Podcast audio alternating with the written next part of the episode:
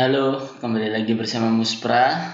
Hari ini saya akan membahas mengenai naifnya mencari kebebasan atau menginginkan kebebasan sama dengan naif.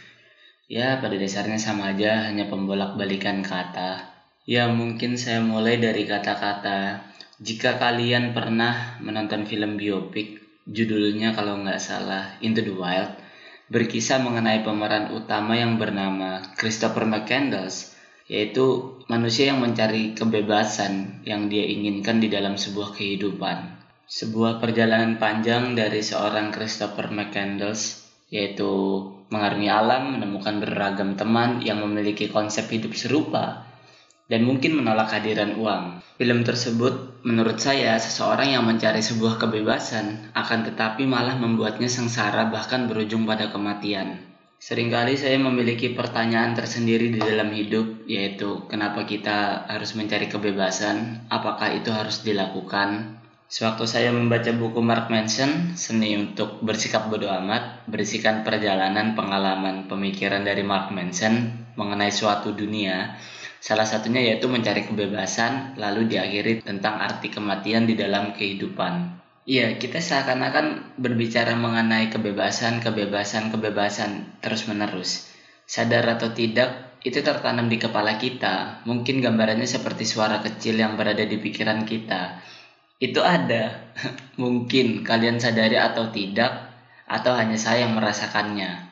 Pertanyaan yang timbul di dalam pikiran saya berdasarkan dua poin di atas. Kenapa manusia mencari sebuah kebebasan? Menurut saya, bahwasanya manusia menginginkan sebuah kondisi ketiadaan batas dalam hal apa pun. Ya mungkin seperti kebebasan ingin membeli segala barang, mungkin kebebasan berpergian ke mana saja, mungkin kebebasan memiliki teman sebanyak-banyaknya, hingga mungkin kebebasan awet muda sampai umur berapapun. Dalam pandangan saya, ketiadaan batas menyebabkan manusia berada di titik hampa atau saya artikan seperti kekosongan. Apabila kalian bertanya kenapa bisa, semisal kalian menyenangi berkebun, berpergian, membaca buku, mungkin hingga menonton YouTube lah. Lakuin terus-menerus setiap harinya. Berkebunlah sampai kebun itu menjadi hutan, contohnya. Atau berpergianlah sampai menemukan daratan yang baru. Mungkin bacalah semua genre buku. Atau mungkin sama juga seperti YouTube, tontonlah semuanya maka perulangan tersebut akan menjadi titik hampa atau kekosongan. Manusia sejatinya memiliki kebebasan penuh atas kendali dirinya, melakukan hal yang mungkin mereka sukai atau cintai. Ketika kebebasan yang kita inginkan terpenuhi, maka selesailah segalanya. Ya dalam pengertiannya seperti ini. Saya ambil sebuah contoh yang berkaitan dengan umur. Sewaktu kita kecil, mungkin kita menginginkan cepat-cepat untuk tumbuh menjadi dewasa karena beragam alasan Salah satunya bebas untuk melakukan apa pun. Dalam pandangan saya, sewaktu kita menginjak umur dewasa, pikiran tersebut menghilang. Bahkan mungkin kita tidak menginginkan menjadi dewasa. Kebebasan yang kita inginkan di masa kecil, kita raih di masa dewasa. Karena umur pasti dan tetap terus maju. Mungkin terhenti apabila kematian. Menurut dalam pandangan saya, sewaktu kita mendapatkan kebebasan, kita sudah berada di garis akhir Anggap saja kita memiliki kebebasan material di dalam hidup atau di dalam kehidupan ini. Kalian memiliki uang yang benar-benar berlimpah, sudah memiliki rumah dengan lima lantai beserta kolam renang di setiap lantainya. Terdapat lift di rumah kalian.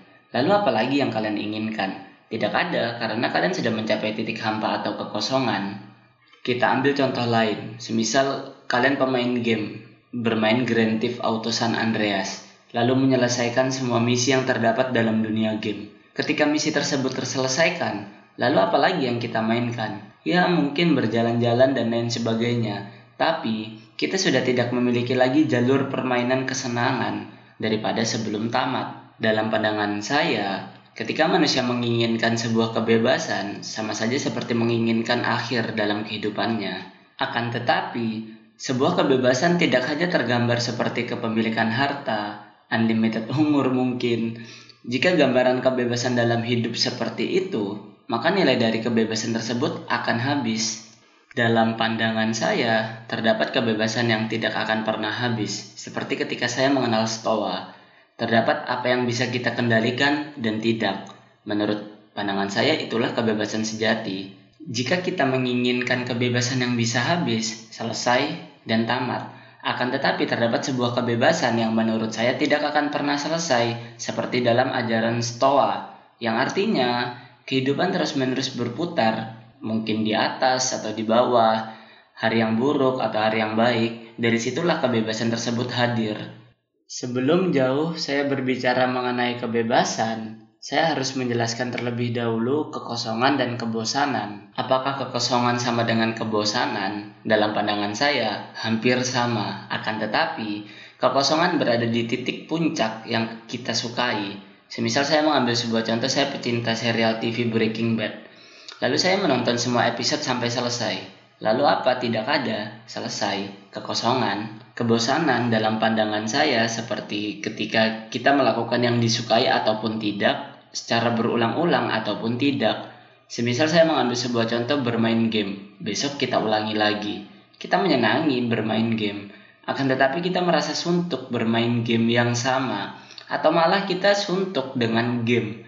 Asumsi saya ketika membicarakan kekosongan dan kebosanan, terdapat perbedaan sedikit mengenai hal tersebut. Saya mengambil garis besar berdasarkan pengalaman saya selama ini yang saya rasakan. Tentunya saya pernah merasakan kekosongan dan kebosanan, akan tetapi itu menurut saya secara pribadi. Lantas, mengapa kita mencari sebuah kebebasan? Ya mungkin dalam pandangan saya, kebebasan tercipta diakibatkan oleh sebuah kekangan atau batasan yang membelenggu terhadap hidup kita bisa dikarenakan waktu, tempat, materi, relasi, ataupun ikatan. Bisa berada di dalam diri sendiri ataupun di luar dari diri sendiri. Kita kembali lagi dengan contoh umur. Sewaktu kecil, beberapa dari kita menginginkan cepat-cepat agar tumbuh menjadi dewasa, supaya menjauhkan dari kata-kata mungkin seperti umur kamu belum mencukupi atau kamu masih belum boleh melakukannya dan kata-kata lainnya. Sehingga dalam pandangan saya, secara tidak sadar, keterkekangan menyebabkan lahirnya kebebasan yang hendak kita miliki. Kebebasan agar bisa mencapai apa yang kita inginkan.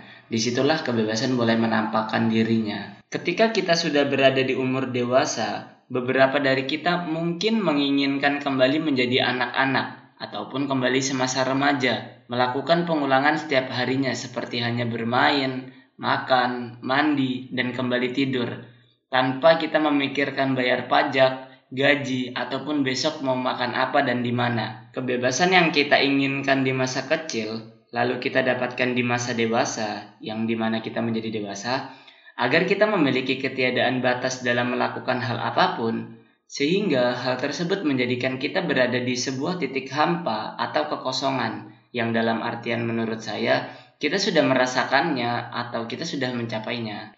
Lalu apa gunanya keterkekangan? Apabila kalian pernah merasa terkekang, beruntunglah kalian jika pernah merasakannya.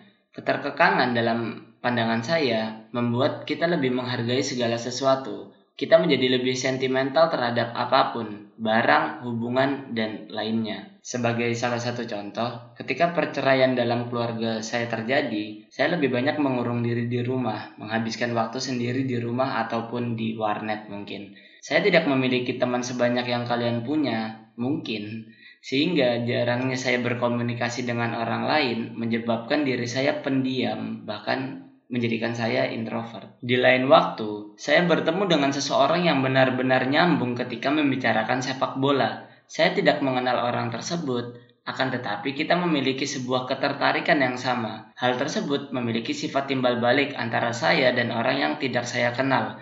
Di situlah akhirnya saya bisa mengetahui rasanya menghargai seseorang. Ya mungkin contoh lainnya sama seperti ketika kita masih bersama orang tua, uang jajan kita tergantung dari dompet orang tua. Suatu hari kita memutuskan untuk pergi dari rumah atau dengan kata lain merantau ke suatu tempat yang jauh dari orang tua.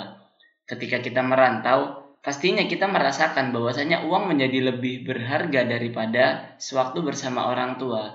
Menurut saya, itulah efek dari sisi keterkekangan yang terjadi sebelumnya. Maka dari itu, kebebasan dalam asumsi saya seperti roda. Sewaktu kita memiliki sebuah kebebasan, kita berada di titik hampa. Ketika kita berada di dalam keterkekangan, hidup kita seakan-akan menjadi lebih hidup. Yang menjadi sebuah pertanyaan, kenapa keterkekangan menjadi menakutkan?